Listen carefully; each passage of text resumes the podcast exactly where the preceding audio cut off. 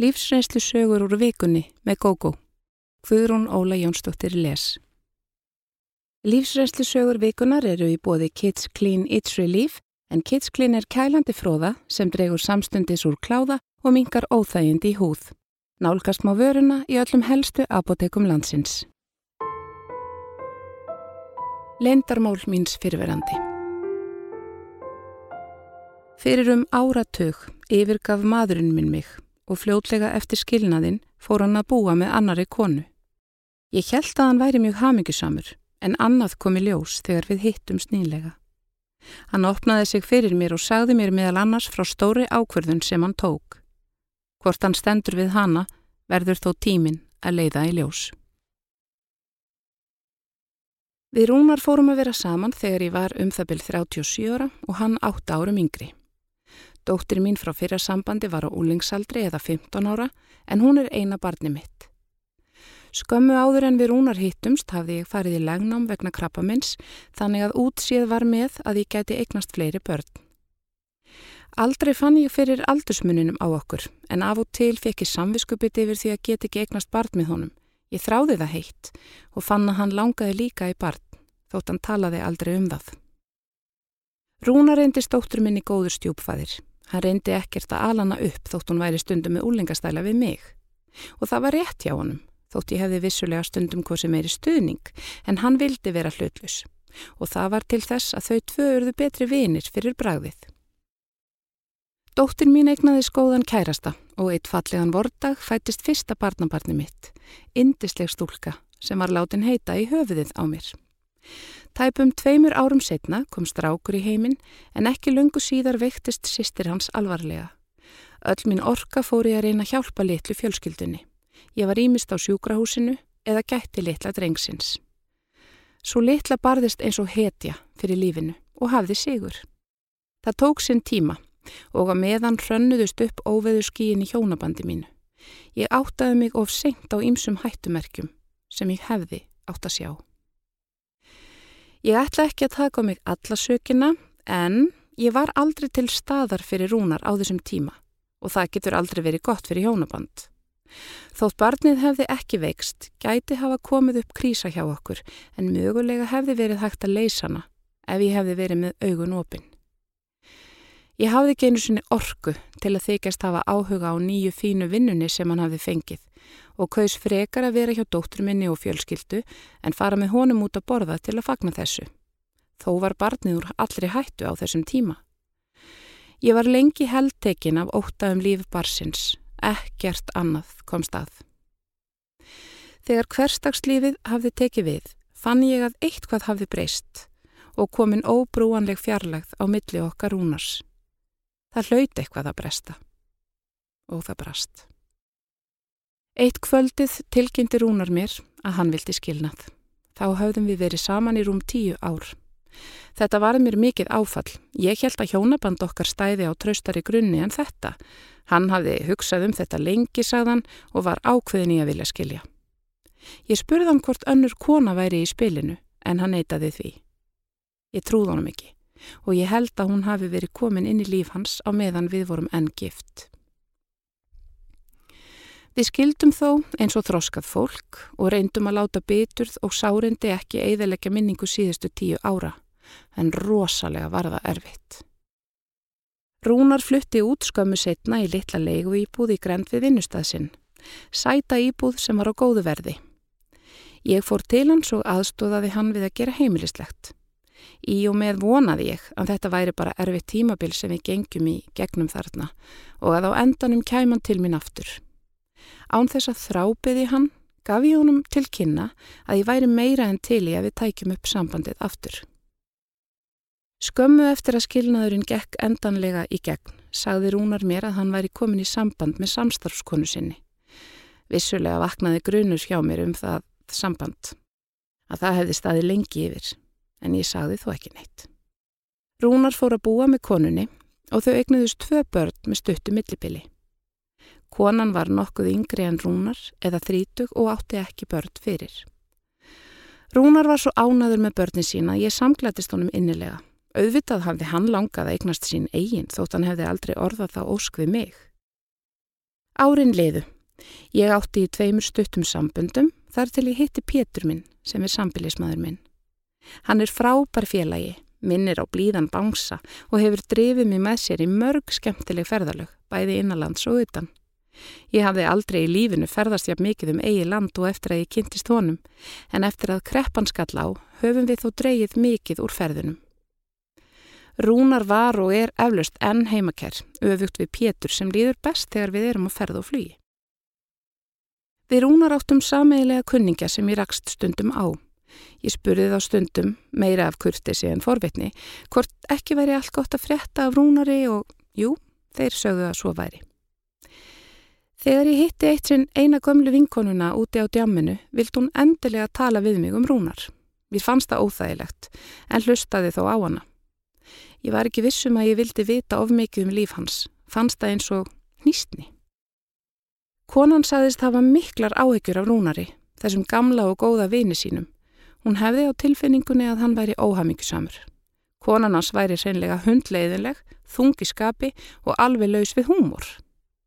Mér fannst þetta hreinlega ekki ólíklegt. Ég hafði séðu tilsýndar með börnin 17. júni og fannst konan vera fíld á svip. Ekki var svipurinn og rúnari mikið gladleri, svo ég held að eitthvað hefði komið upp á hjá þeim en hugsaði ekki frekar út í það.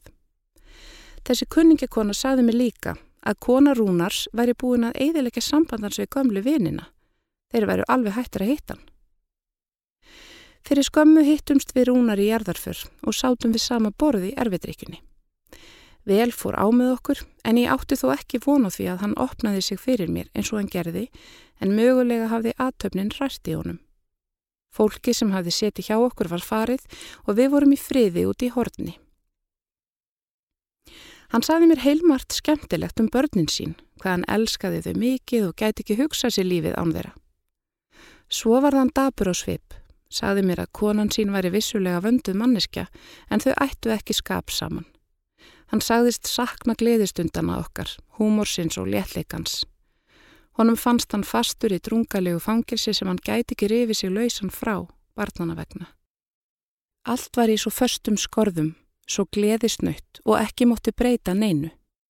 Konan hans væri vissulega góð móðir, en bestu stundir hans og barnana væri þó þegar þau væri saman þrjú. Þá ríkti frjálsræði, leikur og hamagangur, en um leið og konarnas kemi þá hýrfi öll gleði. Rúnar sagði mér að hann hefði ákveðið að býða þar til börnin yrðu aðeins eldri og þá ætlaði hann að fara. Hann gæti verið með börnin aðra viku á móti móður þeirra ef það fyrirkomulega hendaði börnunum.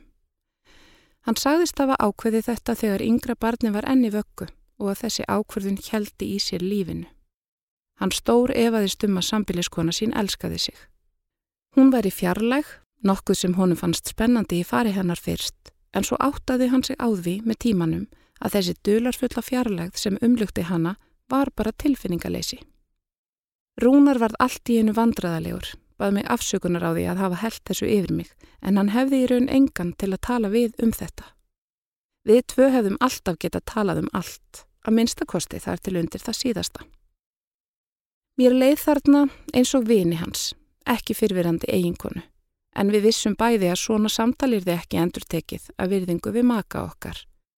Svo var sambiliskona Rúnars vist mjög afbreyðisum út í mig og hafði allatíð verið, sem ég hefur reyndar alltaf þótt óskilalegt. Ég tók um höndans og þrýstana. Ég sagði honum að ég hefði farið í nokkra tíma til sálfræðings eftir skilnaðin og það hefði hjálpað mér mikið. Hann ætti að prófa það. Hann yrði að geta tala við einhvern. Ég sá líka á honum að honum leið miklu betur eftir að hafa sagt mér frá þessu. Mér, já, mér leið líka betur á einhvern hátt. Ég hafði saknað Rúnars og fannst eins og þetta samtal hefði sett loka punktin á hjónaband okkar, eins kjánalega og það hljómar eflaust. Hvort Rúnar láti verða af því að skilja við konu sína leiðir aðeins tímin í ljós. Ég óska honum alls góðs í lífinu og stend með honum hvað sem hann ákveður að gera. Ég vona þó að hann fari eftir áðum mínum um að tala við sálfræðing. Hann verður að geta sagt einhverjum frá líðan sinni og fengi fagleg ráð. Hættulegur fjölskyldur ágjafi Fyrir rúmu ári leitaði vinkona mín til fjölskyldur ágjafa. Erfiðleikar voru í hjónabandinu sem aukinn drikja á samt ofbeldi hafði sett sinn lit á síðustu mánuðina. Þessi svokallaða meðferð sem hún og maðurinn hennar fóru í á lít skilt við fagmennsku heldur gerði hjónabandinu illt verra ef eitthvað var. Eginmaður vinkonu minnar, sem ég kýsa kalla nonna í sögunni, glýmdi við talsverða erfiðleika í vinnunni. Honum hefur þótt gott að fá sér í glas gegnum tíðina og stundum í meira lagi. Hann gati ekki rætt erfiðleika sína við neitt og let eflust eins og ekkert væri á vinnustafnum. Hann tókst á við þá á sinn hátt eða með daglegri drikju í heilt ár. Hann byrjaði drikkuna strax eftir vinnu og drakk oft mörg glös fram á háttatíma. Hann var sífælt erfiðar í skapinu sem kom mjög mikið niður á hjónabandi hans og beggu vinkonu. Þau rifust á köplum og það spennu ástand sem ríkir á heimilum alkohólista var mjög áþreifanlegt. Eina helgina varð allt vittlust. Nonni hafði farið með vinum sínum út á lífið á laugardagskvöldi en Begga var heima og gætti barnana. Um miðjanótt vaknaði hún upp með andfælum við að Nonni var komin heim á samt hópi af druknum félögum. Hún þekkti fæsta þeirra og suma hafði hún ekki einu svoni séð. Hún gerði sér líklega til að fara fram og stöðva lætin svo að börnin þeirra vöknuði ekki en þau voru stein sofandi í herbergjum sínum. Hún mætti nonna á leiðinni fram og hann gerði sér líti fyrir og ítt henn inn í herbergi með ruttalegum handtökum og lokaði hana inni í svefnherberginu þeirra. Begga komst í mikið uppnám. Hún klætti sig, komst út úr herberginu og stuggaði fólkinu út með látum, þar og meðal eiginmanni sínum. Þegar fólkið var allt farið braust nonni inn í húsið ofsa reyður og lagði hendur á beggu. Hún var í algjöru áfalli á eftir og saðist ekki einu sinni hafa ringti nokkur neða komið sér í kvennaatkvarfið. Þetta var svo óvænt. Hún sagði líka að mikil fórnarlamskam hefði helst yfir sig eins og fleiri sem lenda í svona sem sé auðvitað enginn glóra í.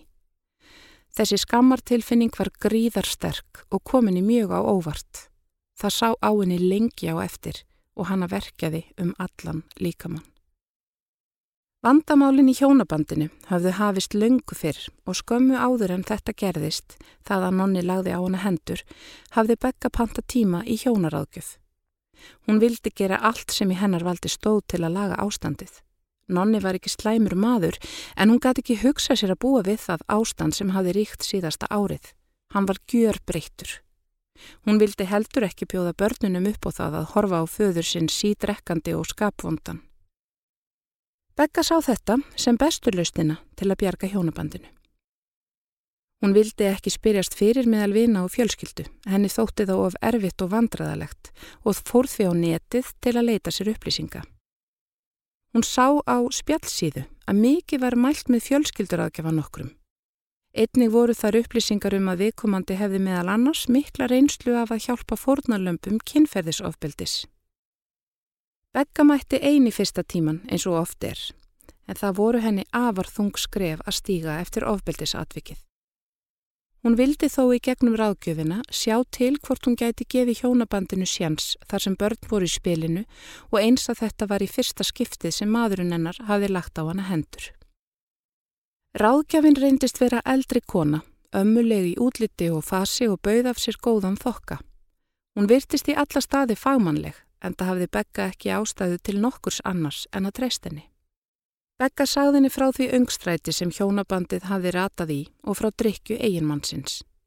Konan lagði sig mjög fram við að lokka meira upp úr Beggu, færði sig nærinni, tókum hendur hennar og baðana endilega að leta á hjarta sínu. Að lokum trúði hún ráðgjafanum fyrir ofbeldinu sem maður hennar hafði beitt hana örfáum vikum áður. Henni fannst erfitt að tala um þetta en þóttist vissum að það veri nöðsynlegt ef ætti að vera hægt að hjálpa þeim hjónum eitthvað. Eftir ofbeldisatvikið hafði ástandið og heimilinu verið vægast sagt förðulegt. Begga var í hálfgerðu losti lengi vel og nonni virtist hafa átta sig á því að hann hafði gengið of langt. En bólaði þó ekkert á afsökunarbeginni en nonni reyndi að vera góður við beggu og virtist hálf miður sín. Svo var komið að því að nonni færi einni tíman til fjölskylduráðgjafans. Í kjölfarið örðu fyrðulegar breytingar. Hegðu nonna ger breytist og honum virtist á einhvern hátt undarlega leta á eftir. Þegar hann talaði loksum tíman við Beggu, sagði hann blákalt að ofbeldi sem hann beitt hana hefði ekki síður verið henni að kenna. Ráðgjafinn hefði sagt honum að þarna hefði greinilega verið mikið andlegt ofbeldi af hennar hálfu að ræða og því væri þau bæði jafnsek. Þetta var í algjöri andstöðu við það sem ráðgjafinn hefði sagt við Beggu. Við hana hafði hún sagt að maðurinn hennar væri greinilega alkoholisti og yrði að hætta strax að drekka ef ætti að vera hægt að taka á málum. Þetta atvik var til þess að allar tilröðinir í framhaldinu til að vinna í hjónabandinu urðu erfiðari. Nonni er enn sannferður um að hann eigi litla eða enga sög þar sem Begga hafi augrað honum. Hann hafi skráð sig í sálfræðumæðferð fyrir karlmenn sem beita ofbeldi en það er hann alveg út í sandin og hann fór aldrei í fyrsta tíman. Hann stökk á þetta tækifæri sem ráðgjafinn gaf honum til að fríja sig ábyrð og horfast ekki í augu við vandamál sín. Undarleg heitin ágerðust í næsta tíma hjá fjölskyldur áðgjafanum. Það varð fljótlega ljóst að konan myndi líti sem ekkert millir tímana. Til dæmis nefndi hún aldrei áfengisíki eða drikju nonna og vildi aðeins láta hjónin gera æfingar sem fólisti því að þau rifiðu upp af hverju þau hefðu orðið ástfangin í upphafi. Þetta fannst Beggu absúrt í stöðunni. Í þriðja sameiglega tíma hjónana ágað hún að leiða talið að drikkjunni og ofbeldinu þeir málum sem henni fannst vera aðal orsök vandamálana í hjónabandinu. Þegar sátími var hálnaður stóður ágæfin allt í einu upp, nötrandi af bræði og vísaði þeim á dyr, sagðist ekkert, geta gert fyrir þau, hjónabandið væri búið. Einnig bætti hún því við að þau væri að eiðilegja börnin sín og þau skildu skilja undir eins. Hún sagði þeim að þau skildu ekki láta sjá sig þarna framar. Begga reyndi að klaga þennan fjölskylduráðgjafa fyrir landlækni en varði ekkert ágengt því fjölskylduráðgjafar eru ekki á könnu ennbættisins. Þar fekk hún þær upplýsingar að hver sem er gæti tilla sig þetta, jafnvel með afar líti námað baki. Begga leitaði þá til kvennaatkvarfsins og sagði þið meðal annars frá ráðgjöfinni. Þar var fólk afar undrandi á sögunni og vildi endilega taka nafn konunar niður svo hægt væri að vara við henni. Þau sögðust hafa heyrt af svona ráðgjöfum áður sem veittu ofbeldismönnum sakarauppgjöf en ekki hér á Íslandi. Begga var spurð hvort nonni væri kannski óvennilega sjarmirandi maður eða jafnvel siðblendingi, en svo er ekki, hann er bara ósköp vennilegur maður. Hjónaband vinkonu minnar stendur enn og ennþá er verið að reyna að vinna í málum. Nonni situr þó við sinn keip og er ekki farin í meðferð kvorki við drikju nýja ofbeldi. Hann er þó að mestu hættur að drekka sem er vissulega jákvætt. Ég tek fram að fjölskyldur ágjafar eru vitanlega misjafnir og ég hef sjálf farið til eins sem var ljómandi góður.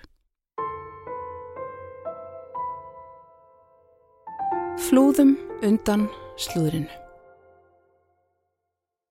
Fyrir nokkrum árum fekk maðurinn minn tilbúðum góða vinnu á litlum stað úti á landi. Mentun mín er þannig að ég á auðvelt með að fá vinnu hvar sem er og þar sem þetta var gott tækifæri fyrir hann ákvaðum við að slá til. Bæjarslúðrið var hins vegar svo rosalegt að eftir árið var ég búinn að fá nóg og við flúðum til borgarinnar aftur. Starf mannsins míns krafðist þess að hann væri töluvert fjárverandi frá heimilinu. Hann var oftað heiman á kvöldin, á fundum og þurfti auk þess að fara í stuttar ferðir vegna vinnunar. Ég var ekki vön við að hann væri svo mikið að heiman og leð þau orð falla á vinnustað mínum að mér þætti þetta einmannalegt. Eftir á að higgja gæti ég trúað að þessi orð mín hafi orðið kveikan að öllum sögunum því áður en þrýr mánuðir voru liðnir gekk svo saga um allt þorpið að ég hefði átti ástarsambandi við þrjá menn síðan við fluttum í bæin. Ástalíf mitt hafi, ef markamátti slúðrið, ekki verið jafnfjörugt síðan ég var í tólvarabekk og tveir nýju ára strákar voru skottin í mér vegna þess að ég var eldri kona og óurlega spennandi. Við vorum varlabúin að koma okkur fyrir þegar svo saga barst út um allt að ég var í farin að halda við samstarfsmann minn. Sá maður þótti mikið kvennagull og hafði átti ástarsambandi við allmargar konur í bænum, bæði giftar og ógiftar. Ég hafði hins vegar tæpast yrt á hann nema til að bjóðunum góðan daginn í vinnunni. Við vorum aftur á móti beðin að vinna saman ákveði verkefni fyrir atvinnureikanda okkar og urðum að sinna því eftir vinnu á daginn.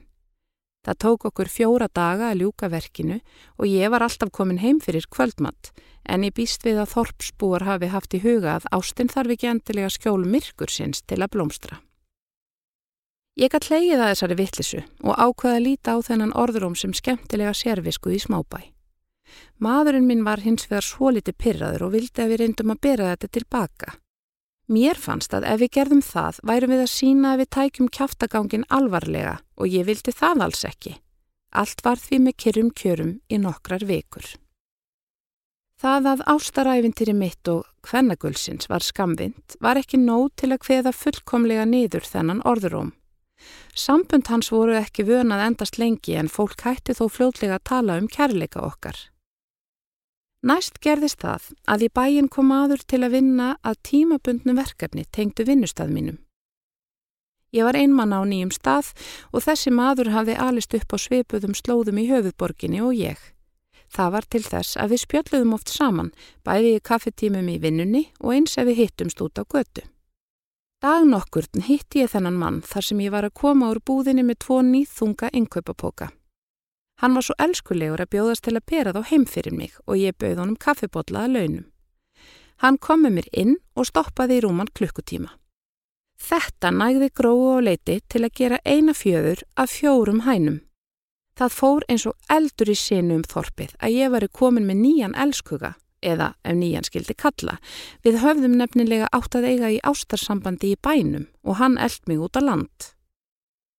Sagan varð rætnari og rætnari. Maðurinn minn átti að hafa komið að okkur fáklættum upp í rúmi. Hann hafði ákveðið að flytja með þessa lauslátu eiginkonu út á land til að bjarga hjónabandinu en fyrir öllu þessu höfðu slúðurberarnir áreiðanlega heimildamenn sem voru ímist sagðir vinkonur mínar eða fjölskyldumæðlimir. Þessi saga var langt frá því að vera fyndin að mínu mati. Ég varð fyrir hálgerðu áfalli þegar slúðrið bars mér til eirna, en nokkrar nágrannakonur mínar álitu það heilaga skildu sína að bera í mig allt það sem sagt var í bænum. Eftir á að higgja hafa þeir sennilega verið upphafsmennað ansi mörgum þeirra sögursagna sem um mig gengu, þannig að ekki hafa þær þurft að leggja eirun mjög oft við til að fregna hvað um mig var talað. Lengi eftir þetta fannst mér augu fylgja mér hvert fótmál. Ég var farin að líta um auksl þegar ég gekk um göduna og einhvert veginn sá ég stöðugt fyrir mér forvitnisleg andlit þrýsta sér upp að rúðunum í gluggunum á húsinu mínu. Mér fannst ég hvergi örug. Maðurinn minn var óskaplega reyður og talaði við nokkra af samstarfsmönnum sínum um þetta. Þeir töldu þetta ekki alvarlegt og sögðu að við þyrtum bara að venjast þessu. Svona væri andin í smábæjum og ekkert við því að gera. Ég væri allt og viðkvæm og auk þess væri það að bjóða hættunni heim að hleypa karlmönnum sér óskildum inn hjá sér þegar eiginmaðurinn væri ekki heima. Ég er þið bara að læra að aðra reglur gildu í þorpinu en borginni. Hm. Ég reytist heftarlega þegar ég heyrði þessi góður áð. Líklega hafa þau verið gefin af góðum hug en það er ótrúlegt að ímynda sér að til sé fólk á okkar tímum sem hugsar á þessa leið. Það særði mig líka maðurinn minn varð ekki fyrir barðinu á svipuðum kæftagangi. Þótt hann væri á ferðalögum hingað og þangað með samstarfsfólki og sæti löngum stundum og fundum á kvöldin, datt engum í hug að hann stæði í framhjóaldi. En þrátt fyrir að þetta færi allt í tauganar á mér, reyndi ég samt að aðlega mig aðstæðum. Ég passaði mig á að spjalla ekki við karlmenn út á götu og enginn fekk kaffibótla hjá mér nema maðurinn minn væri viðstatur. En þetta dögði ekki til. Þegar jólin álguðust var mikið að gera hjá manninu mínum. Hann var á kafi í vinnu langt fram eftir kvöldum. Eitt kallt og dimt desemberkvöld var ég farin að búa mig undir að hátta þegar ég uppgötvaði að mús var í söfnarberginu mínu. Ég ringdi mannin minn og skipaði honum að koma heim og losa mig við þennan óbóna gest. Hann hvaðist ekki komast frá, en hann ringdi í kunninga sinn sem bjó aðeins neðar í götunni og baði hann að bjarga mér. Sá maður brást við eins og sönnum sjentilmanni sæmir og komir óðara til hjálpar. Hann náði kvikindinu fljótt og vel og ég gætt farið að sofa. Þegar ég mætti í vinnuna daginn eftir og sagði söguna af músaveðinni, datt mér aldrei í hug að þetta myndi hafa einhverja eftirmála. En ég vann maður sannarlega þörf nágrana minna fyrir söguburð. Það flög fjöllunum harra í sveitinni að ég væri komin með enn eitt karlmann í sikti. Að þessu sinni hefði ég valið mér giftanmann og þar að auki nábúa minn.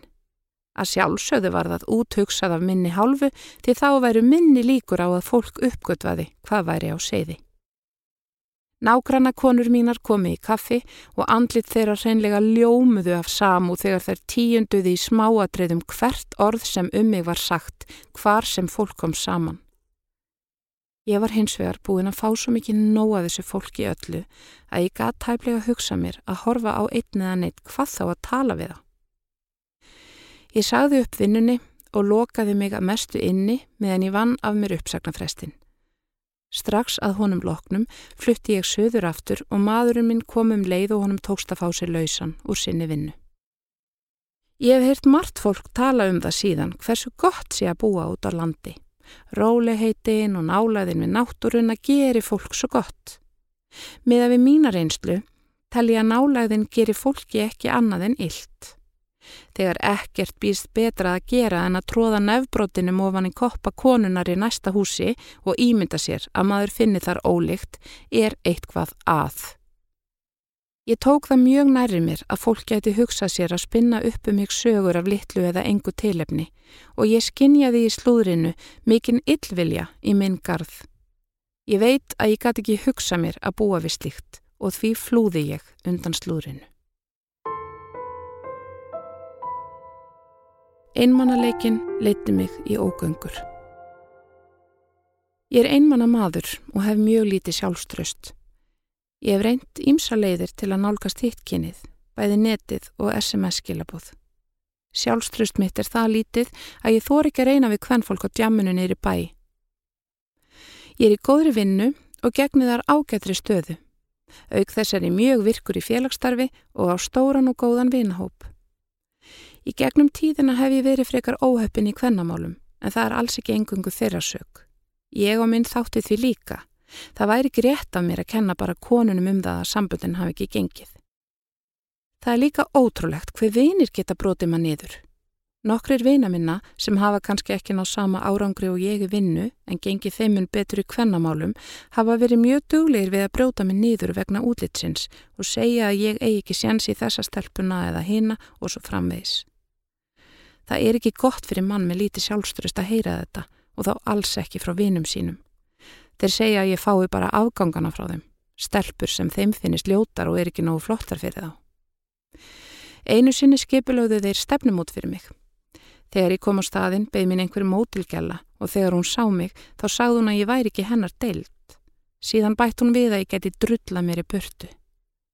Tveimur mánuðum síðar kom þessi kona grátandi til mín og bað mig um að hjálpa sér því að kærast hennar barðana. Þá var ég nógu góður fyrir hana. Ég er alls ekki feimin að eðlisfari, heldur er ég mjög hress og kátur. Þrátt fyrir það fer ég alltaf í kerfi þegar ég reynir við stelpur. Ástæðan getur verið svo að ég er nokkuð yfir kjörþyngd og ekki sáttur við útlitt mitt. Ætli svo speki að enginn geti elskað aðra nefn mann elski sjálfan sig eða ekki bara ágætlega við mig. Ég nota neti töluvert og vissi til þess að menn hafði kynst konum í gegnum það. Ég prófaði að fara inn á engamál.is og ég fór á nokkuð stefnum út. Stelpunar hafði mikinn áhuga þegar ég var að tala við þar á netinu en þegar það sáu mig virtist allur sjárminn hverfa. Þar virtust ekki hafa áhuga á að gefa mig tækifæri og það braut algjörlega niður sjálfströsti mitt.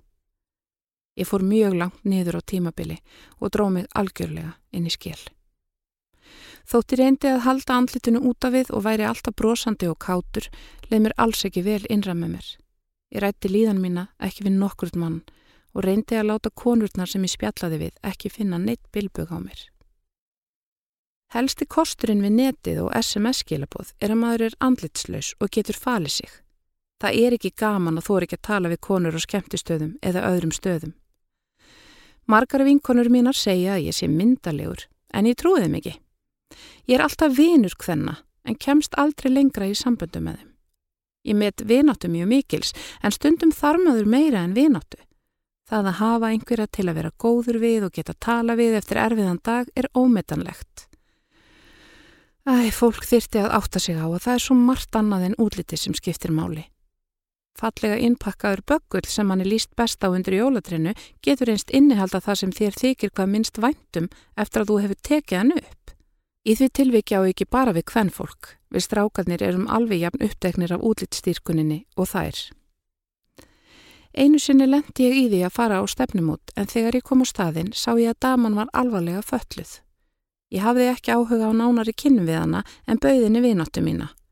Hún tók því mjög illa og fór að ofsækja mig. Eitt sinn sendi hún tvo frændur sín á mig og ætlaði þeim að berja mig.